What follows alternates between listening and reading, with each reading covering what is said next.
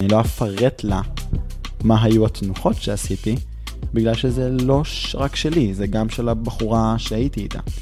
אבל ברמת העיקרון, כן, אם uh, נפגשתי עם מישהי והיה לי ממש ממש כיף, אז אני אגיד, אני נפגשתי עם מישהי והיה לי ממש ממש כיף.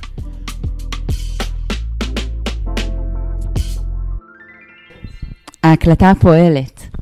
יאללה, שמעו אותנו מדברים על מקלחות עד עכשיו? לא. ברוכים הבאים לפודקאסט כל הלב. אני רותם מיכאלי ואני מארחת אנשי לב, אומנים, יוצרים, שותפים לדרך, אנשים חשובים, אנשים מעניינים, אנשים שבאיזשהו רגע בחיים בחרו בעצמם ולא באחרים.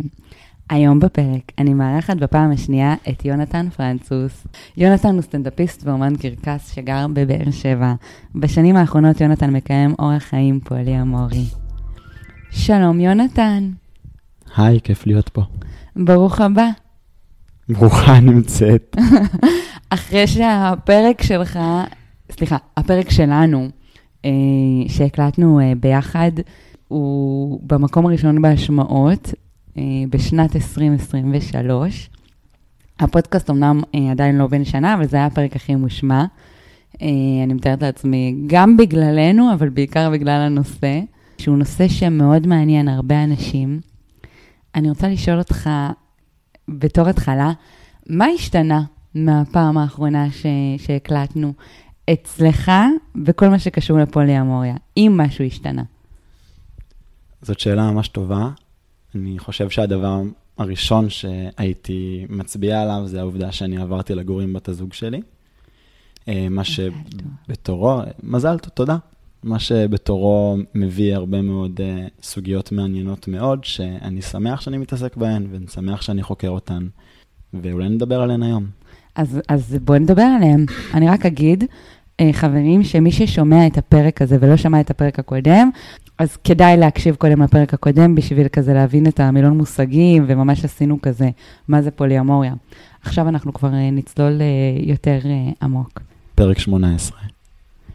נכון, ועכשיו אנחנו בפרק 30. מי היה מאמין? אז, אז אני מחזירה אותך על השאלה, יונתן, מה, מה השתנה, ו, ובוא נדבר על המגורים ביחד, מה זה מביא. קודם כל, עצם המגורים ביחד היו big deal מבחינתי, אה, לא כי זה שלב מרגש בקשר, וסוף סוף אני עובר לגור עם מישהי, וזה זוגיות, זה הפחיד אותי מאוד. קשה לי עם הרעיון של לגור ביחד, או יותר נכון, אה, היה לי קשה, או שיש לי כל מיני השגות לגבי זה. אני חושב שמגורים ביחד מביאים איתם הרבה מאוד דברים טובים, אה, ולצידם יש גם אה, אתגר גדול יותר בשמירה על מינון בריא בזוגיות. כי אחד הדברים שמפריעים לי, או שבעיניי מהווים אתגר לזוגיות בעולם המודרני, זה שאנחנו מאוד מאוד...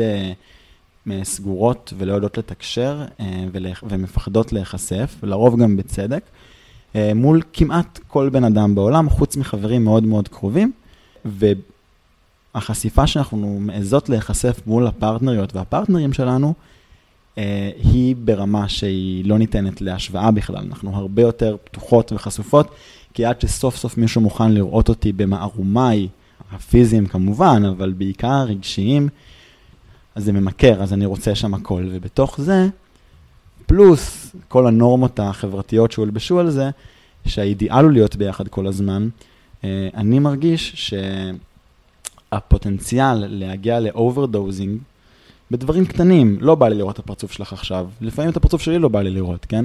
לא בא לי, בא לי לבד. ואני לא יכול, כי את גרה איתי. אה, אז הדברים הקטנים האלה מצטברים, ואני חושב שהם מורידים הם מאתגרים את היכולת לבחור בה ביחד, להיות ביחד מתוך בחירה. אני רוצה להגיד עוד משהו קטן. אה, אה, היה לנו מאוד חשוב לגור בחדרים נפרדים. יש לנו חדר שינה לכל אחת מאיתנו, אנחנו ישנות ביחד הרבה מהלילות בשבוע. כאילו יש לכם את החדר שלך, את החדר שלה? חד משמעית, כן. ואז כזה, אתה יכול להזמין אותה לבוא לישון אצלך? כן, האמת שזה מאוד חמוד. ואיפה עושים סקס? בסלון, במטבח, בחצר, אנחנו, יודעת. לא, אבל גם לפעמים, לפעמים גם בחדרים, לא? אה, בכל מקום שרוצים, כאילו אין לזה חוקיות. אה, איפה שנמצאות באותו רגע, אז אה, ומתאים, אז קדימה. ואיך זה עובד עם הפוליומוריה? המגורים ביחד?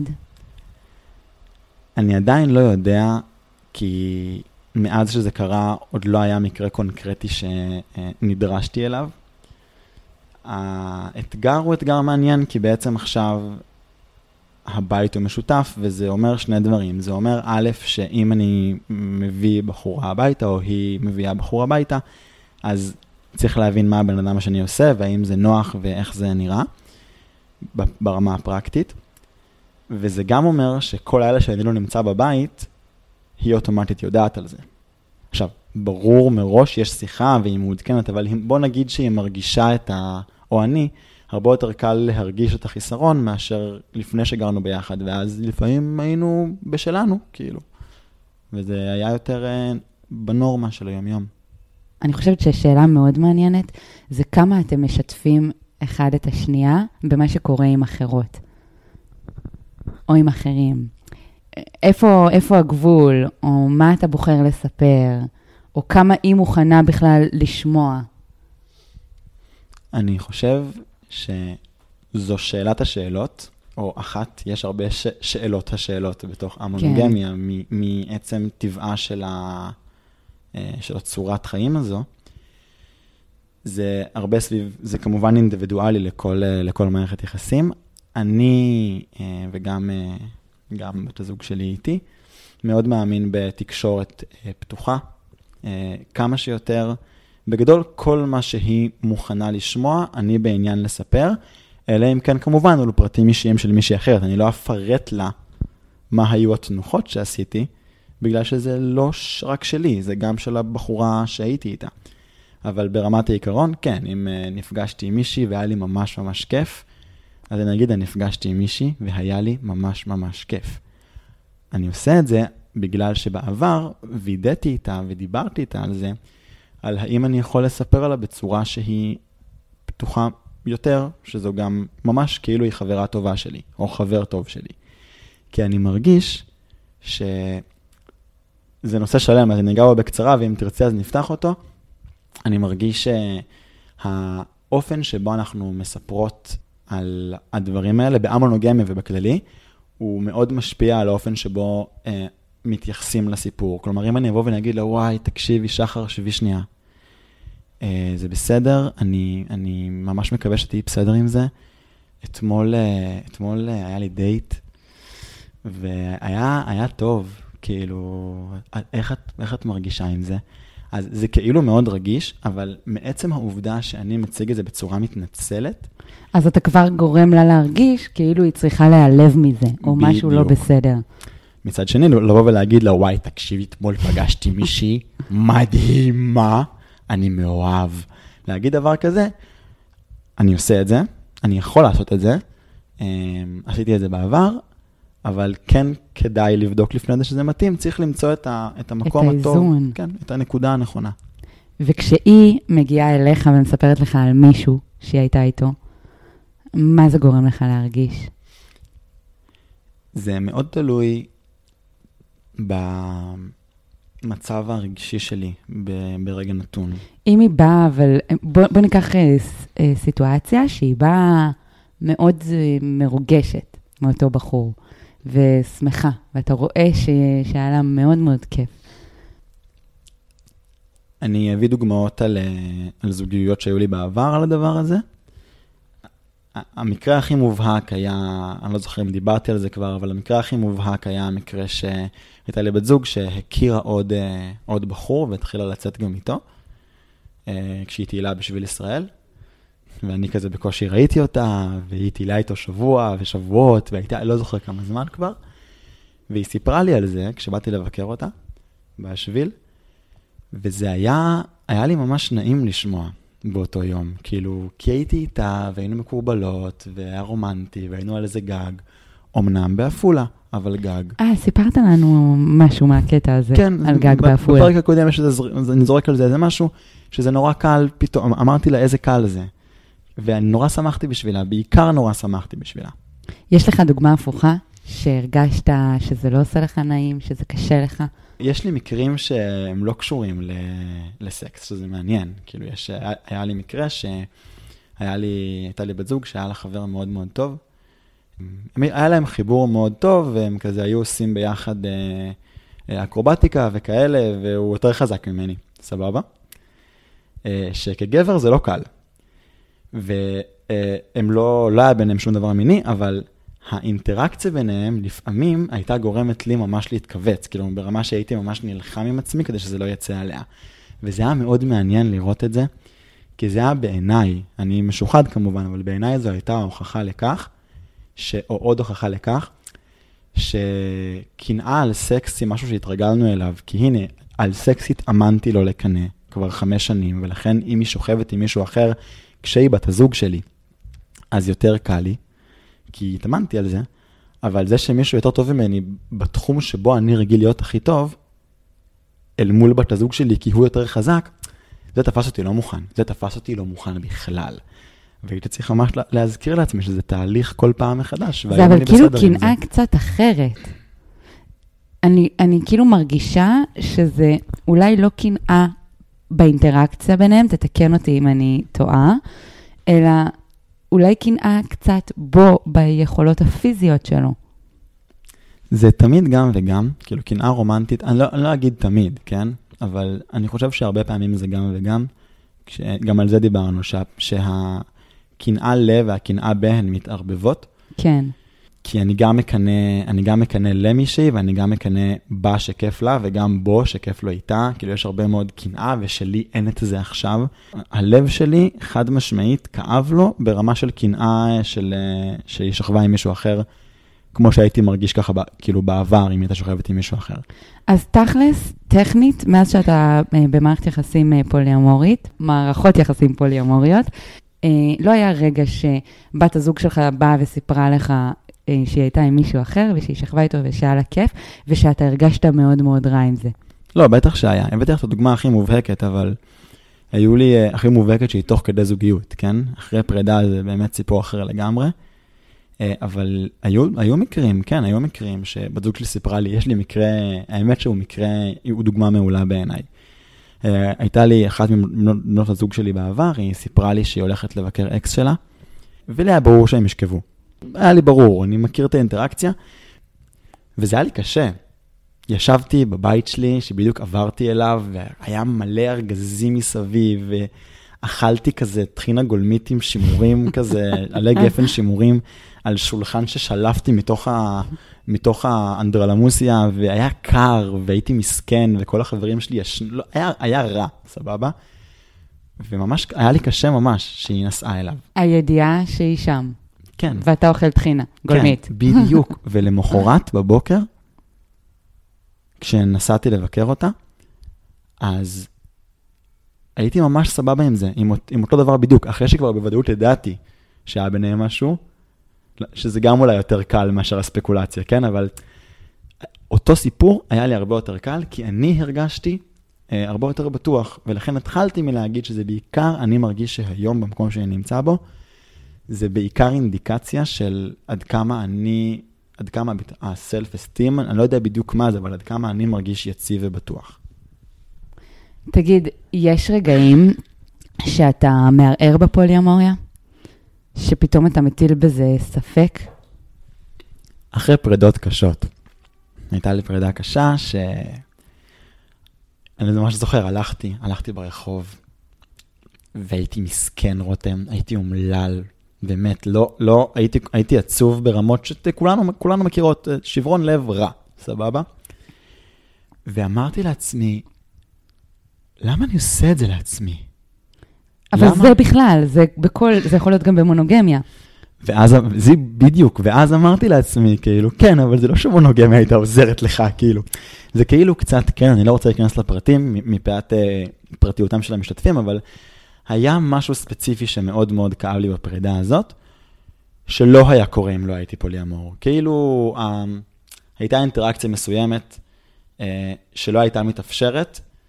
עם- במונוגמיה, בקשר מ- מ- עם מונוגמיה. באקסיות מונוגמית. כאילו, יש כזה דברים שלא מתקרבים אליהם, אז הייתה התקרבות, כי היה ברור שזה לגיטימי, אל תנחשי, כי אני לא אגיד לך כן או לא, אוקיי. אבל בוא נגיד שהיה שברון לב, שהיה לי... הטריגר היה כזה שלא היה קורה אם היינו מונוגמיים, סבבה? בכלל, אין שום זיכוי בעולם. ואמרתי לעצמי, למה? למה אתה עושה את זה לעצמך? כאילו, כל מיני רגעים שהיה לי מאוד מאוד קשה, ובאמת כזה הרגשתי שאולי זה יותר מדי, ואולי אני טועה ומטעה, ואולי uh, זה לא מתאים לי. ואז uh, עבר יום-יומיים, ונרגעתי, והבנתי שעברתי משבר ביחס לזה, ושעדיין uh, זה הדבר שאני בוחר בו. חרף הקושי, ולא כי זה קל. תשובה יפה, כמו בבית ספר. תשובה מלאה. רציתי לדבר על השוואתיות, שאנחנו עושים את זה אה, בלי קשר לפוליאמוריה, כאילו, אמנם אה, סיפרת לי קודם שכאילו מה השתנה אצלך, אבל גם אצלי השתנה מהפרק האחרון שהקלטנו, אבל עכשיו יש לי חבר. אה, וזה גם גורם לי להסתכל קצת אחרת פתאום על הפוליאמוריה, ובכלל על מערכות יחסים, כאילו, אני פתאום אומרת, אלוהים, מאיפה יש אנרגיה? כאילו, זה כל כך הרבה אנרגיה מושקעת בהיכרות ובבן אדם הזה שפתאום נכנס לי לחיים, אז פתאום פוליאמוריה נראה לי אה, משהו אה, די מטורף לעשות אותו, שכשלא הייתי בזוגיות זה היה נראה לי פחות מטורף. אבל השוואתיות, באופן כללי, אני רואה איך אני משווה אותו, וגם אחרים, תמיד. אה, הוא היה ככה, והוא כזה, ו... ואז אני שואלת את עצמי, מה קורה בפוליאמוריה והשוואתיות? כי אתה למעשה מנהל אה, כמה מערכות יחסים במקביל, וזה מאוד מתבקש להשוות. בוא תספר לי קצת על זה, ואז ניכנס לשאלות יותר קונקרטיות. וואו, אמ, איזו שאלה מצוינת. אני חושב שבאופן כללי אה, אומרים אה, אסור להשוות, ולקח לי שנים, לקח לי שנים להבין למה אסור להשוות? כי מבחינתי, השוואה היא כלי מאוד מאוד חשוב בעולם. אני כאדם שמתנהל בעולם, השוואה עוזרת לי להבין איפה אני נמצא. אני, ו, וגם איך אפשר להימנע, עזבי כלי חשוב, אם עכשיו אני עושה juggling, סבבה? ואני struggling עם חמישה כדורים, ומישהו לידי מפציץ עם שבעה קלאבים, והוא עושה דברים אה, הרבה יותר מרשימים ממני, סבבה? איך אפשר לא להשוות? אם אני עושה, אם אני פחות חזק מהבחור השני שמרים את בת הזוג שלי, איך אפשר שלא להשוות? אני לא הבנתי את זה. וככל שהזמן עובר, אז מתחילה ליפול לי איזושהי הבנה שאני עוד לא יודע לנסח אותה, אני אנסה לנסח אותה בצורה שהיא אה, נהירה וקוהרנטית. אני חושב שאי אפשר להשוות, פשוט כי כל, אנחנו אף פעם לא מודעות, מודעות למכלול הגורמים והמשתנים בסיטואציה. כלומר, אני אה, פחות חזק ממנו, כי הוא א', התאמן יותר, זה לא הופך אותו ליותר טוב ממני, כלומר, אני יכול להשוות פעולות ספציפיות, אבל הטעות שאנחנו עושים בהשוואה, שאנחנו משוות בין, אנחנו מחברות בין פעולות לבין ערך של בן אדם. ולא אמור להיות קשר, אני לא אעז לטעון שאני חף מזה לחלוטין, אבל ברמת העיקרון, אה, ברור שלפעמים יהיה לי יותר כיף אם האמת שב-100% מהמקרים, אני חושב, או ב-90% מהמקרים, אם אני פוגש מישהי לדייט ראשון, יהיה לי יותר כיף איתה מאשר ביום רגיל עם בת הזוג שלי. למה? כי זה חדש, כי זה טרי. כי זה פעם ראשונה. אתה מדבר על השוואתיות באופן כללי, בגדול. בוא, בוא נגיד, אה, נשים על השולחן, כולנו משווים כל הזמן, גם אם אנחנו אומרים, אני לא משווה. אנחנו משווים, אין מה לעשות, אנחנו אה, יצורים שחיים בעולם, שיש הישגים וכל אחד רוצה, לא משנה, אני, אני יכולה להשוות את עצמי במראה, אני יכולה להשוות את עצמי בכסף, ב, בדברים שקשורים להצלחה מקצועית, לדברים שקשורים ב, בכל דבר. ומשהו שלי עזר להפסיק להשוות היה העובדה שנגיד השוואה, אם אתה משווה דברים אה, במעבדה, אז אתה משווה דברים שיש להם את אותם נתונים ומשנה משתנה אחד. אבל כשאתה לוקח בן אדם שהוא שונה ממך כמעט בהכל. כאילו אין לך מה להשוות אם זה, המדדים הם לא אותם מדדים, כאילו כולנו שונים, אז ככה שאין מה להשוות. לי, לי זה עזר. ועכשיו אני מחזירה אותך לשאלה שוב, איך אתה לא משווה או כן משווה, האם אתה בכלל עושה את זה בתוך הקשרים? אז ברשותך, רגע לפני שאנחנו צוללות לקונקרטיות, אני, אני אנסה להסביר למה, למה הבאת לך תשובה שהיא מאוד כללית.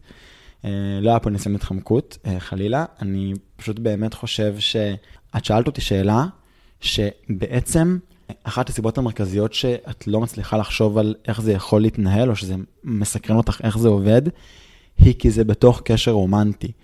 ואני באתי להזכיר, רגע אחד, כל הדברים שאני עושה בתוך קשרים רומנטיים, כולנו עושות בקשרים לא רומנטיים. לכולנו יש יותר מחברה או חבר טוב אחד. כולנו מדברים אחד אל השני עם החברים. אנחנו בוחרות עם מי לשבת ועם מי לא ברגע נתון, ומה מתאים לי ומה לא. לפעמים אנחנו רבות ויותר כיף לנו עם אחד, אבל עדיין השני הוא חבר יותר טוב. זה עולם שלם שאנחנו מתנהלות בתוכו בשחייה כמו דג במים, כי התאמנו עליו והתרגלנו שהוא לגיטימי. אני חושב שגם בתוך קשרים זוגיים, רומנטיים, מיניים, אינטימיים, גם בתוכם צריך פשוט להרחיב את אותה היכולת, כי שם משום מה צמצמו אותנו. ולכן אני אומר, גם, אני, לא, אני, לא, אני באמת לא יכול להשוות, כי גם אם עכשיו אני הולך לדייט, וכיף לי נורא, או אני שוכב עם מישהי וכיף לי נורא, ועם, אה, ובבית יש לי שגרה, שגרה מדהימה, ובאמת, אני, אני מאוהב בשחר, וטוב לי איתה מאוד, והאהבה הולכת וגדלה. אין פה, זה בכלל לא מגיע ממקום של אה, אה, זה לא מספיק לי. כאילו, ברמה המורכבת זה כן, מי שהקשיב לפודקאסט הקודם, אבל אה, אין לי, לא, טוב לי מאוד בזוגיות. ועדיין, אם אני פוגש מישהי בפעם הראשונה, יש סיכוי סביר שזה יהיה יותר מרגש, פשוט כי זו הפעם הראשונה. ו- ולטווח הארוך, נגיד אתה כבר תהיה איתה בקשר, זוגי, רומנטי, אתם כמה חודשים ביחד, אתה כנראה תשווה אותה לשחר. אני לא. מניסיון, ש... הניסיון שהיה לי, היה לי ניסיון, היו, הייתה לי, היו לי שתי בנות זוג במקביל, וזה היה עוד בתחילת דרכי בעולם המונוגמיה. הפוליומוריה. כן, המונוגמיה. המונוגמיה, סליחה. וזה ממש... אה, בתור בן אדם שמשווה לא מעט בחיים שלו ונלחם בזה, זה היה כל כך לא בר השוואה. מעניין למה, תכלס לא חשבתי על זה. אולי בגלל שכשמישהי אה, היא בת הזוג שלי, אז אני מכיר אותה כל כך טוב, שאני מודע להרבה יותר מהמשתנים בסיטואציה, ואז זה בכלל, זה not comparable, מבינה? כאילו, איך אני יכול להשוות אט-אט ואט-אט, ואתם אנשים שונים לחלוטין, ואיך אני יכול, ברור, אני יכול להגיד, זה יותר כיף לי איתך רוב הזמן, זה יותר כיף לי איתך רוב הזמן. אבל אני מזכיר, לא לעשות פטישיזציה לפעולות מדידות. אנחנו מערבבות בין מה, מה מדיד, כי לזה אפשר להתייחס, ומחליטות שזה הרגש וזה הבן אדם. לא, העובדה שיותר כיף לי לעשות עם אה, אה, יוכבד, סבבה? יותר כיף לי איתה ללכת אה, לכדור הענק באילת ולצרוח, ועם אה, גריזלדה יותר כיף לי אה, לקרוא ספרים. בסדר, אז זה מה שאני אעשה, כאילו. הכל טוב, בשביל זה יש לנו את המגוון. האם לפעמים אתה רוצה לגרום לאחת מבנות הזוג לקנא? אני לא בטוח שהבנתי את השאלה. נגיד, אה, אני אגיד משהו שהוא לא בא לטובתי, אבל אני אשים אותו על השולחן כדי לאפשר לך אולי להבין את ה... לי לפעמים יש צורך במערכות יחסים רומנטיות, כאילו לגרום לו לקנא, זה עושה לי את זה. נגיד, אני יכולה לספר לו על מישהו אחר שהייתי איתו לפני כמה שנים, או לפני וואטאבר, כדי לגרום לו לקנא. כי זה קצת כזה מרים לי. האם אתה עושה את זה בקשרים מקבילים? אני עושה את ההפך. אה, אני, אני מנכיח את הקנאה שלי. אה, לדבר על קנאה בתוך קשר המונוגמי זה משהו שהוא מהווה אתגר אה, לחלק מסוים מהאנשים שמתנסים בצורת החיים הזו. אה, כי כאילו אנחנו לא אמורים לקנא, אנחנו פוליאמורים. רגע, אתה יכול אבל להסביר אה, עם דוגמאות, כי זה עוזר לי להבין. כן, כן, מיד מגיעות דוגמאות. אה, אם עכשיו בת הזוג שלי מספרת לי על משהו שהיה לה, ואני מקנא, סבבה? אני מרגיש קנאה, זה קורה, זה קורה, אני חושב שזה גם קורה לא מעט, תלוי בתקופות, אבל זה יכול לקרות. אז אני אגיד לה את זה, אני אגיד, אפילו, את יודעת מה? פעם, יש לי דוגמה מצוינת. הייתי במסיבה, לפני שנים עם uh, בת זוג שלי, ורקדנו, והיא רקדה עם איזה בחור, סבבה? רקדן על, כאילו, רוקד מאוד יפה, זה היה מדהים, היה כאילו, היה גם כיף לראות אותם, אבל גם קצת שרף לי, כי כאילו, הם לא התמזמזו או משהו, הם פשוט רקדו ביחד, איזה כן? כיף ששורף לך לפעמים, סליחה, זה עושה לי הרגשה טובה. או, אז אולי זה הזמן uh, להבהיר לך ולכל מי שמאזינה ומאזין, שאני לא, uh, אני לא חף מקנאה. על טבעי. כן, אני לא סופרמן, אני, אני מקנא הרבה. ואני פשוט באמת הרבה שנים כבר בתחום, ואני, יותר קל לי להכיל את הקנאה. אבל אני מרגיש קנאה כשבת הזוג שלי מספרת לי שהיא שכבה עם מישהו אחר.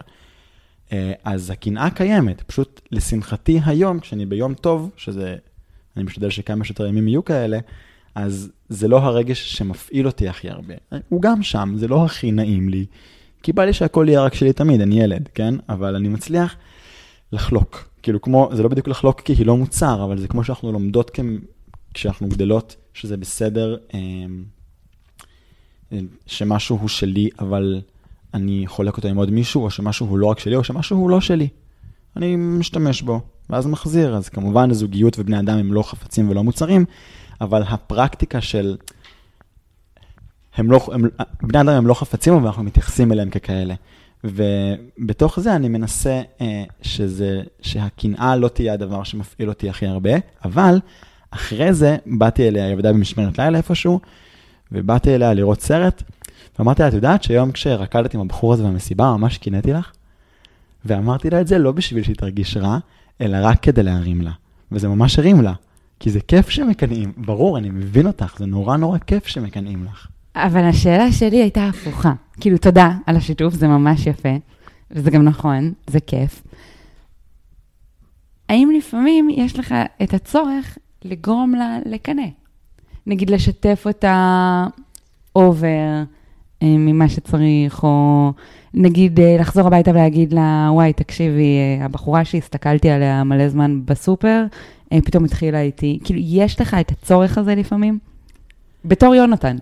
תקשיבי, ממש לא נעים לי להגיד, כי אני חושב שאולי אני משקר לעצמי ומדחק דברים, אבל התשובה שלי היא לא. כאילו, אני גם בקשרים מונוגמיים, אני לא חושב שאי פעם אה, הרגשתי צורך להשתמש בקנאה אה, בשביל, כאילו, לגרום לבת הזוג שלי קצת לקנא בכוונה בשביל כזה... שהיא תאהב אותך יותר. כי, היא לא תאהב אותי יותר. בשביל uh, ההצמדה, לא, לא להדליק אותי, רותם, ההצמדה בין, ההצמדה בין קנאה לבין, uh, לבין אהבה היא אחד הדברים היותר קשים, ש... היותר, אחד הדברים שיותר מקשים על זוגיות להיות יציבות ובריאות תקשורתית היום. אתה העובדה, צודק. זה שכאילו, התחלתי פעם לצאת עם מישהי לפני שנים, ואז אה, זה עוד בשלב שכולם מקבילים, שכולם פוליאמורים, בסדר? בואי זה. ו, ואז היא יצאה לדייט עם איזה מישהו, או שהייתה אמורה להיפגש איתו. והיא סיפרה לי על זה, באי נעימות קלה. ואז אמרתי לה, מגניב, אה, תהני, תספרי לי איך היה, אם את צריכה טיפים לכזה איפה להיות באזור, אז תגידי לי או משהו כזה. ואז זה הפריע לה שלא קינאתי. זה ממש הפריע לה, והייתי כזה, לא, לא הבנת, כאילו, מה זה לא הבנת? אני מבין, אני לא שיפוטי כלפי זה בכלל, אבל זה הצחיק אותי באותו רגע, כי מין, כאילו, ההצמדה בין אם הוא לא מקנא לי, הוא לא אוהב אותי, היא, היא מגיעה, היא נהיית מאוד בעייתית בכיוון ההפוך, של חבר שלי קנאי בטירוף ואין יותר מועדונים, אבל זה רק מראה לי כמה הוא אוהב אותי, שזה דפוק מאוד בעיניי ובעייתי מאוד. אני מה זה שמחה שהגענו לנושא הזה. בוא נדבר עליו עוד קצת, כי אתה יודע, לא נעים לי להגיד, ואני אגיד את זה. כאילו, אין מה לעשות, זאת האמת. אני, אני חוטאת בזה. אני לא חושבת שאם הבן זוג שלי מקנא בי, או בדברים, או שיש לי חבר קנאי, אז הוא אוהב אותי יותר. כאילו, אני חושבת שזה דבר נורא, קנאות מוגזמת. אה, במיוחד בקשרים כאלה רומנטיים. זה אפילו מסוכן, אבל אני כן שמה לב שלפעמים אני רוצה בכוונה לגרום לבן זוג שלי לקנא, כי זה מקושר אצלי לאהבה. אחד הדברים הראשונים שבא לי להגיד לך, זה שלא בא לי שתהיי שיפוטית כלפי עצמך, מבינה? כאילו, אנחנו גדלנו בעולם שככה הוא עובד. גדלנו בעולם שבו באופן מודע ולא מודע, הוסללנו בצורה שהיא מאוד ברורה למסתכל מהצד. לא רק אני אומר את זה, אבל כמובן שאפשר להטיל באיזה ספק, מאוד ברורה לי מהצד, סבבה? אה, לכל מיני דברים שצריכים לקרות ואיך הם צריכים לקרות. כל, שוב, כמו שאמרנו בפרק הקודם, תלוי כמה את פרוגרסיבית ומי מעגל החברים שלך, והאם את בקצה של הסקאלה של אין יותר מועדונים ולמחוק את כל הבנים מהפייסבוק שלך, שאני מכיר ושמעתי, לבין הסקאלה של כזה, אל, אל תשכב עם אף אחת, אבל כאילו, אם אתה יושב עם חברה או הולך עם חברה למסיבה, אז סבבה, כאילו, ברור. יש את הסקאלה, אבל בסוף ההסללה היא דומה. בסוף אה, אנחנו מצמידות אה, אהבה לקנאה, אנחנו מגדירות זוגיות על סמך איסורים ובלעדיות של מה אסור לעשות עם אף אחד אחר, מה שבעיניי מוזיל. אנחנו מצמידות בין... אה, אני זורק כותרות, אז אני אפסיק, אבל יש הרבה מאוד דברים כאלה, כן. ואחד מהם הוא מה שאת אמרת.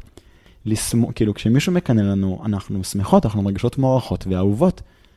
וזה כשלעצמו חמוד, זה כשלעצמו אחלה.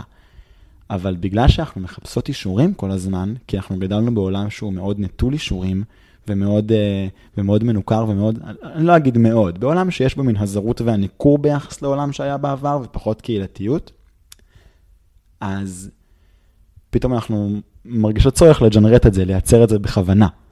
זו פעולה מאוד טבעית, כאילו מי שלא חושבת מה היא עושה או לא חושב מה הוא עושה, סביר שיעשו את זה.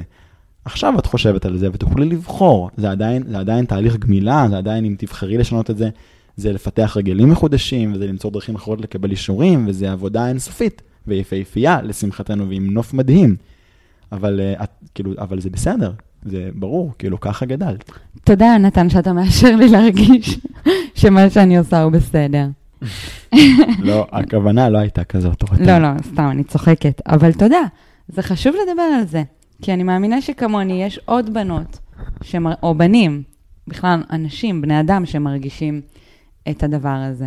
וזה בסדר לדבר על זה ולהגיד את זה, וזה בסדר גם אה, לטפל בזה ו... ולהפסיק לה... לקשר בין קנאה לאהבה, או לגרום לבן אדם לקנא כדי להרגיש יותר אה, מאושרת אה, מהמילה אישור על ידיו. אני, רגע לפני שאת ממשיכה, אני חשוב לי ממש להגיד משהו. Uh, מה שבאתי להגיד, מה שאמרתי עכשיו לא היה uh, מתוך מקום של uh, להסביר לך שאת לגיטימית, כמו שזה היה, כאילו, זה היה גם, אבל זה היה בעיקר מתוך הרצון להגיד, אם עכשיו אדם שמקשיב לפודקאסט הזה, uh, שוקל את האפשרות של המונוגמיה, או אפילו רוצה לתרגל צורה חדשה למונוגמיה, שזה גם אחלה, כל דבר כזה, לזכור שזה עבודה קשה, ואנחנו תמיד נקנא קצת, ואנחנו תמיד אה, נהיה חלשים, ואנחנו תמיד נהיה מסכנים לפרקים.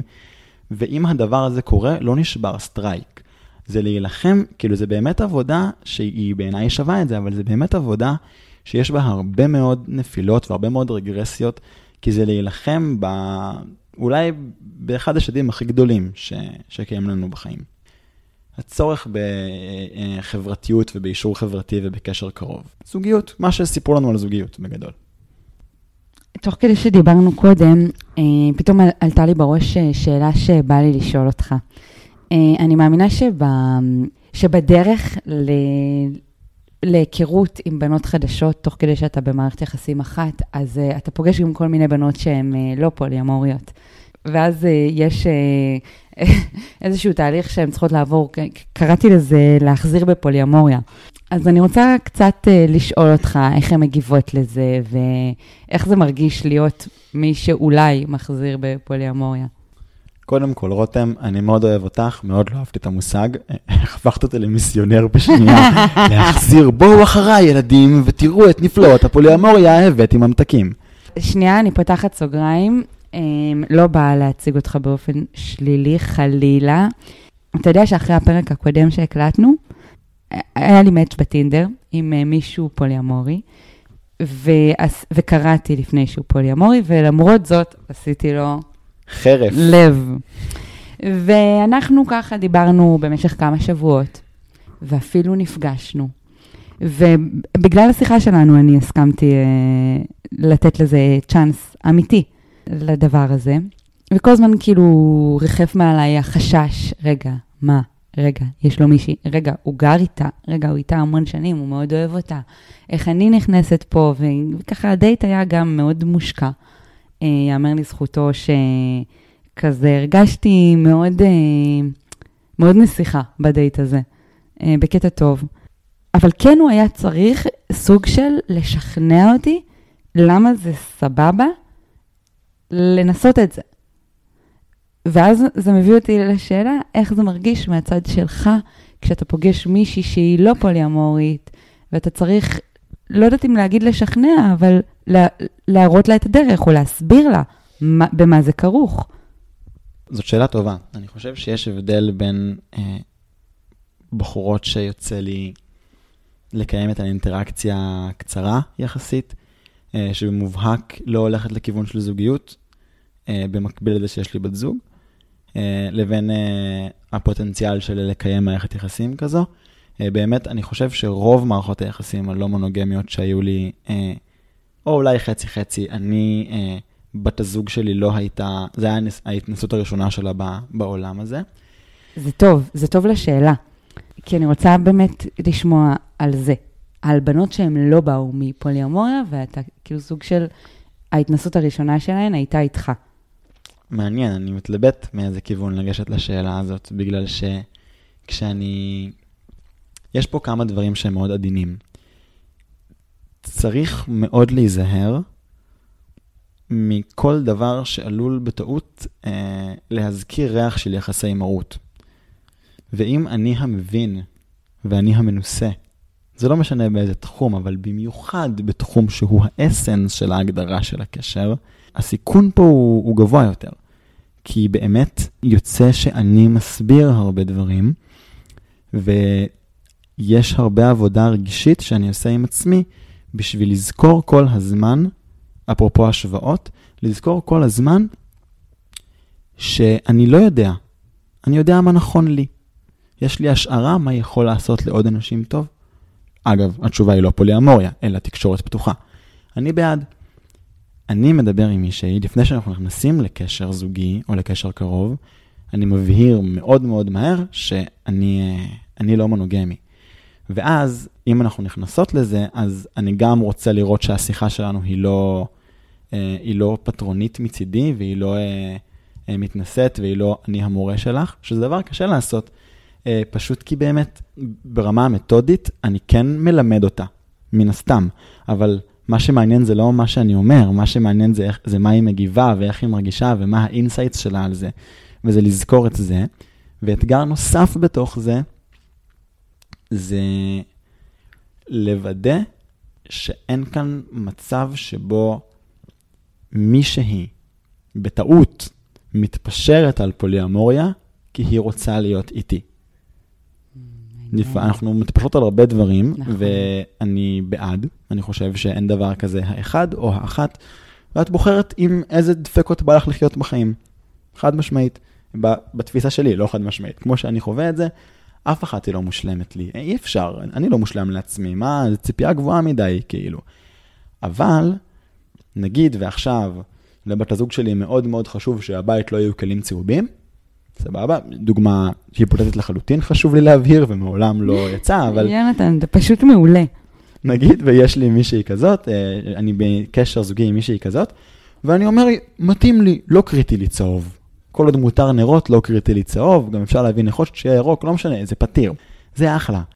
אה, אבל אם מישהי חושבת שהמונוגמיה זה לא טוב, מה זה לא טוב?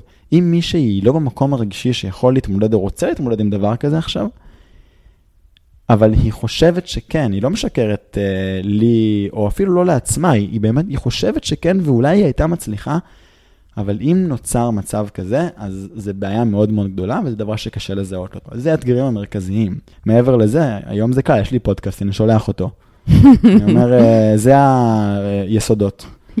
יסודות הפוליאמוריה, לא תלמדי. אבל, אבל זה, זה מכסה דברים בצורה שזה באמת, זה באמת יצא פרק מאוד מאוד טוב, זה היה, זה, זה היה כיף לשמוע אותו, כאילו, אצלה, זה, לא הייתי בטוח אם הוא יצא טוב, הרגשתי שאני לא מספיק uh, חד. וזה היה, זה יצא טוב. לא, אתה עשית שירות טוב, אפילו הפוליאמורי שאני יצאתי איתו, נתתי לו להקשיב לפרק, והוא uh, עובד בפודקאסטים, וואי וואי, אני מספרת פה הרבה מידע, אבל הוא אמר לי שאתה עושה שירות... כולם עובדים בפודקאסטים, זה בסדר. אתה עושה שירות נפלא, והוא אמר שגם הוא ישתמש בזה, אה, כשהוא יצטרך להסביר לנשים מה זה פוליאמוריה. אז זהו, אז זה באמת, זה, זה מין אה, סוג, זה סוגר איזשהו, אה, זה איזשהו צ'יט שמאפשר לי לעבור לשחייה בעמוקים, ולא את כל שלב, ה, כשאת נכנסת לשחות בים, אז הים דוחף אותך בחזרה אחורה את כל המטרים הראשונים, נכון? עד שאת מגיעה ללב הים, ואז את יכולה לשחות. אני מאמין גדול בלקפוץ למים, בין אם זה בלימוד שפות, בין כל דבר שאני מנסה ללמוד, אני משתדל להתחיל כאילו דילגתי כבר על ההתחלה. יפה, כאילו, רעיון, רעיון מעולה. בצורה חכמה ומושכלת. נגיד שלמדתי ספרדית, אה, טסתי לספרד. למדתי בדולינגו איזה 50-100 מילה, טסתי לספרד לשלושה חודשים עם חוק אחד, שהוא לא לדבר באנגלית. לא משנה מה, חוץ מסכנת חיים, אני לא מוציא מילה באנגלית. בשבועיים הראשונים אני סבלתי מאוד, ואחרי שבועיים הייתי באיזה פרויקט של אף אחד לא דיבר אנגלית בכלל, באו אורחים לפרויקט, חדכנו סלט לארוחת שישי, אה, והם שאלו אותי מאיפה אני, אמרתי להם ישראל, ואז הם אמרו לי, אה, אתה יכול להסביר לנו על הסכסוך הישראלי-פלסטיני? שזה נושא שבעברית, אני לא יודע להסביר אותו טוב. הסברת אותו בספרדית? זה לקח לי איזה שעה וחצי, והשתמשתי בציורים ובפנטומימה, אבל הם לא ידעו אנגלית. וזה אומר שאחרי שעה וחצי הם קיבלו מושג לא רע על הסכסוך, רק בעזרת שימוש בספרדית. וזה לא כי אני גאון שפות, זה כי לא הייתה לי ברירה.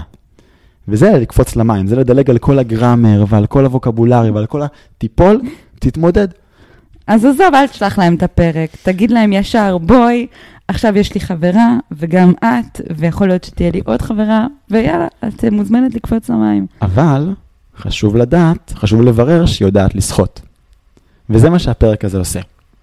יפה. איך אתה יודע שהיא יודעת לשחות? כאילו, או שאני שולח את הפודקאסט ואז אנחנו מדברות על הפודקאסט, או שגם יוצא שאני לא משתמש בפודקאסט, וכזה, אני פשוט uh, מספר ומדבר. תשמעי, אני בתחום תקופה. כשאני מדבר עם מישהי, אני יכול לשים לב עד כמה היא genuinely נרתעת מזה. כאילו, יש הבדל בין נרתעת רגשית לבין מוזר רציונלית, באופן הניסוח, שנראה לי שכולנו יודעות לזהות. כאילו, מישהי אומרת לי, מעניין, מה, והיא יודעת? לבין מישהי אומרת לי, מה? ההבדל הוא מהותי. נכון. אגב, לא בהכרח זאת שצעקה לי מה, היא זאת שלא אה, לא, יודעת לשחות. אולי היא מאוד מאוד מופתעת, ובהמשך השיחה אני אגלה את זה. אבל בדרך כלל, בוא נגיד שאם בחורה ממשיכה לדבר איתי אחרי יומיים, כנראה שהיא יודעת לשחות. או לפחות היא בעניין של ללמוד. שוב, זה לשחות בתחום מסוים, כן? זה לא אה, שזה המיומנות הכי חשובה בעולם.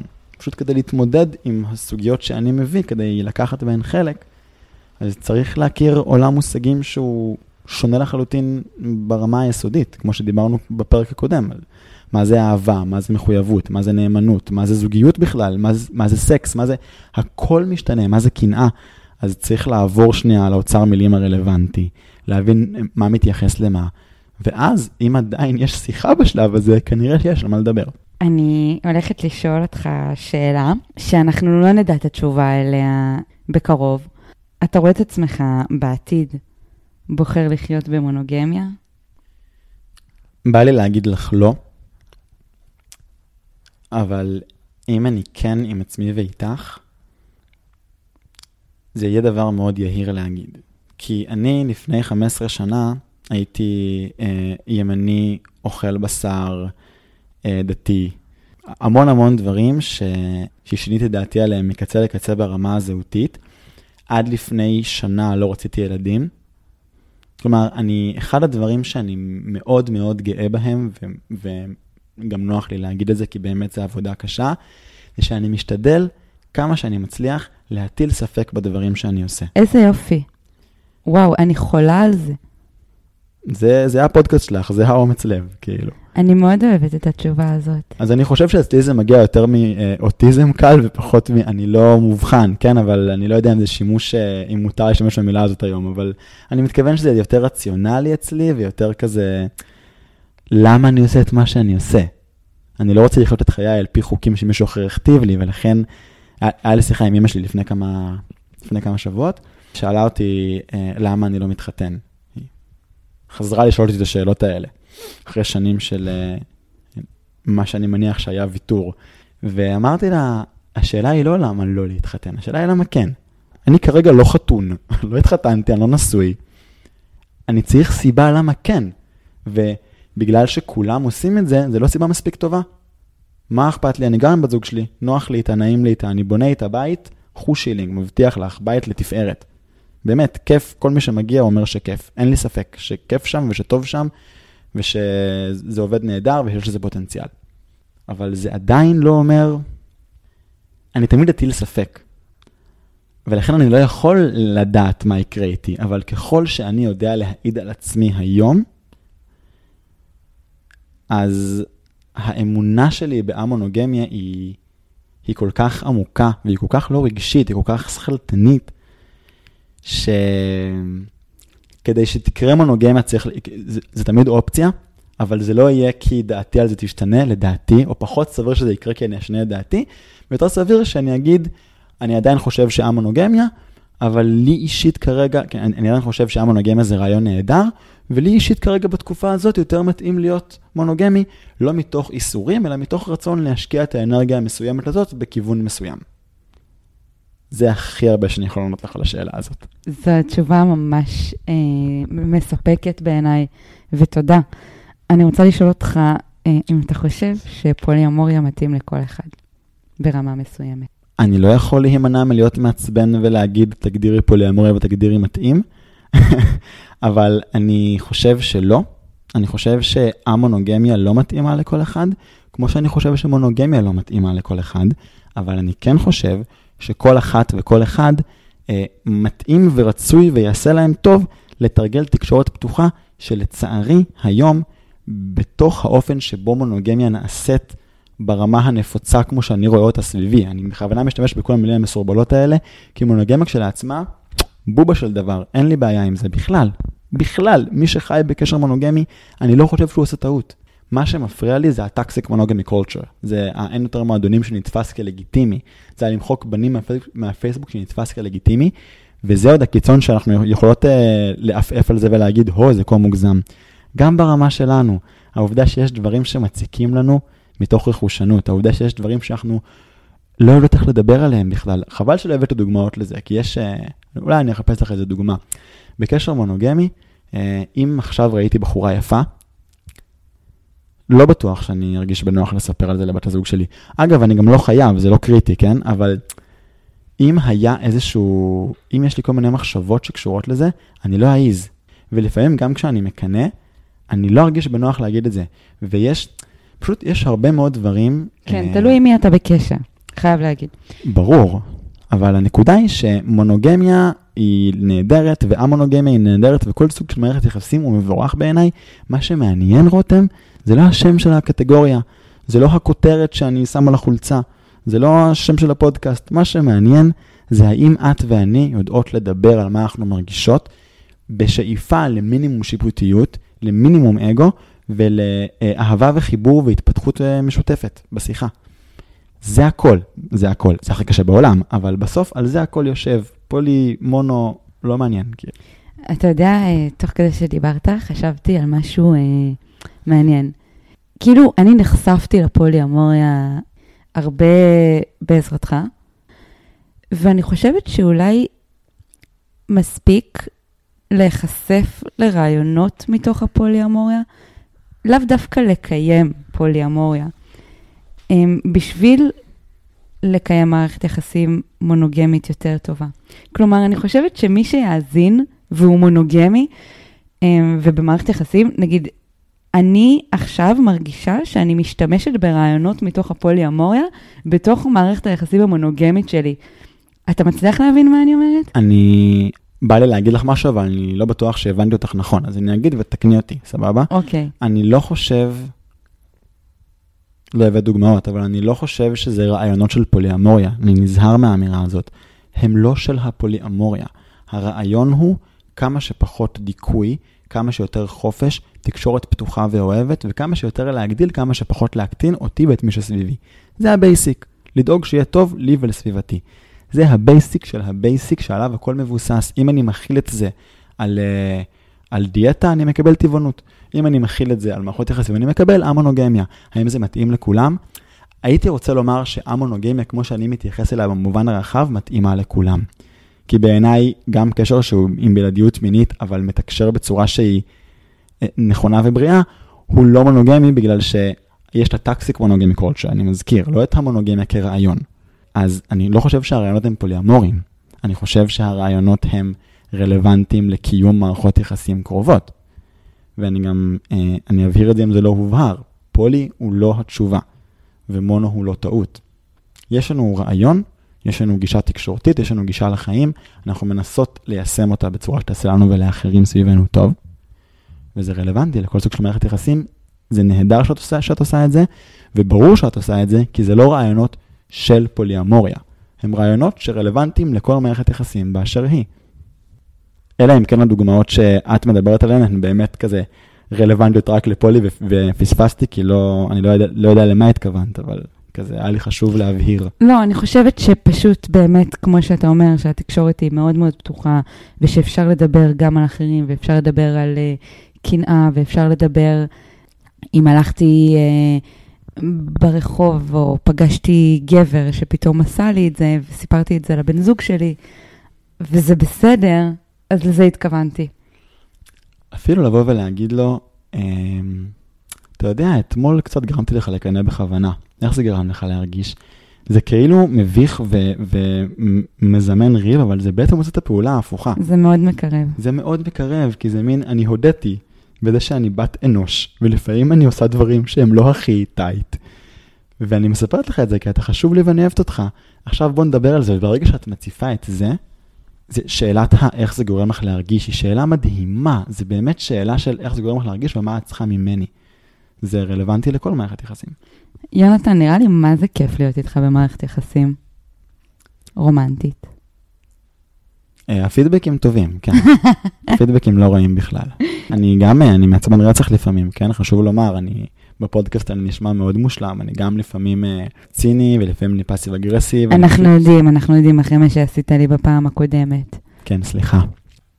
מה בא לך להגיד על פוליאמוריה או על עצמך שלא דיברנו עליו? לא בפרק הזה ולא בפרק הקודם. תשמעי, הקשבתי לפרק הקודם היום בדרך לפה, לא סיימתי אותו, כי חששתי עם שאלה כזאת בדיוק.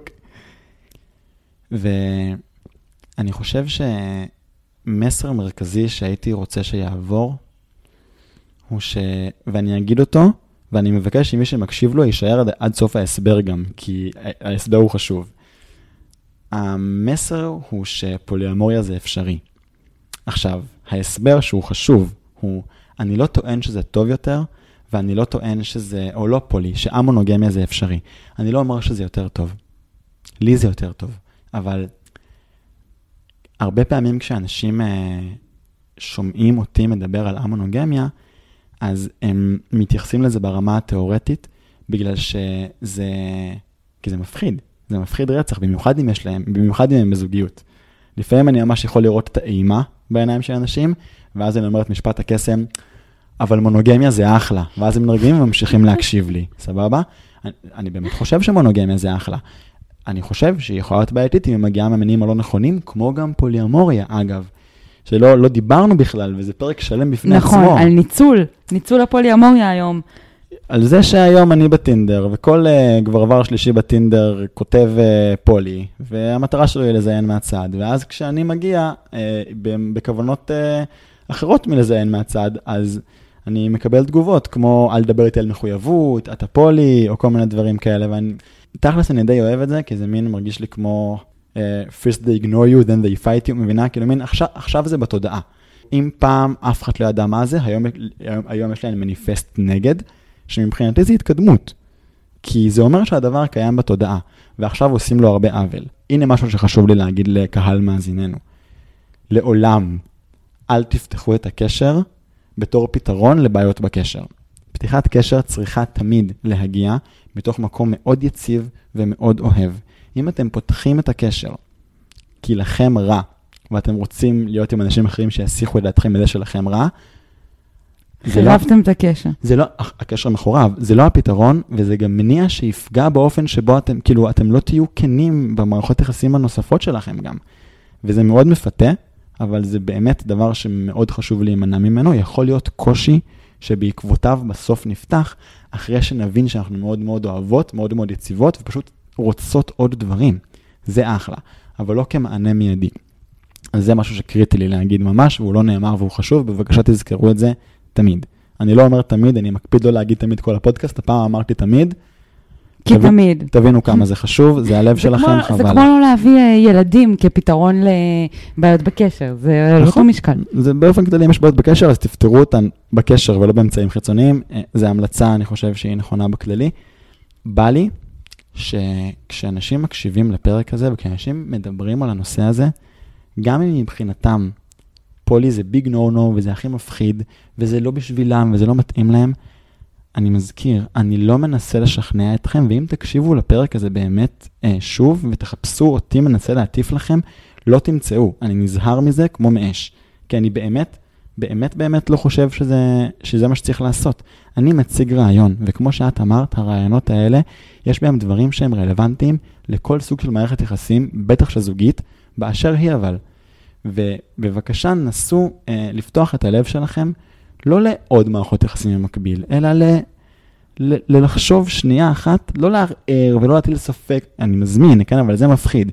לזכור שיש דברים שהם רלוונטיים לכם גם בתוך קשרים מונוגמיים, ולקחת את זה ולראות מה זה עושה לכם. זה הדבר המרכזי שרציתי בתכלס להעביר. יונתן, תודה. אני ממש נהניתי ממך. אה, שוב, אני מאחלת לך בהצלחה. ואני מקווה שניפגש שוב אה, בפרקים הבאים עם רעיונות חדשים אה, ותובנות חדשות. וואי, אני גם מאחל לך בהצלחה. מונוגמיה זה קשה, אני לא יודע איך את עושה את זה. זה... תשמעי, זה אתגר, אני לא יודע אם הייתי עומד בו היום בגילי.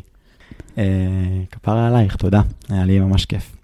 אני אגיד uh, לכל המאזינים uh, שאם אהבתם את הפרק, או אם אתם חושבים שזה רלוונטי למישהו או מישהי שיקרים לכם, אז אנא מכם תעבירו אותו הלאה, כדי שעוד אנשים ייהנו וילמדו מהתוכן הזה. אני הייתי רותם. ואני הייתי יונתן, ואפשר לדבר איתי ולפנות אליי באינסטגרם עם שאלות. אני לא גורו, אבל אני אשמח להפנות למקורות רלוונטיים. לא תעשו לי חמישה כוכבים בספוטיפיי, באפל פודקאסט, בגוגל פודקאסט, איפה שאתם מאזינים. תודה רבה.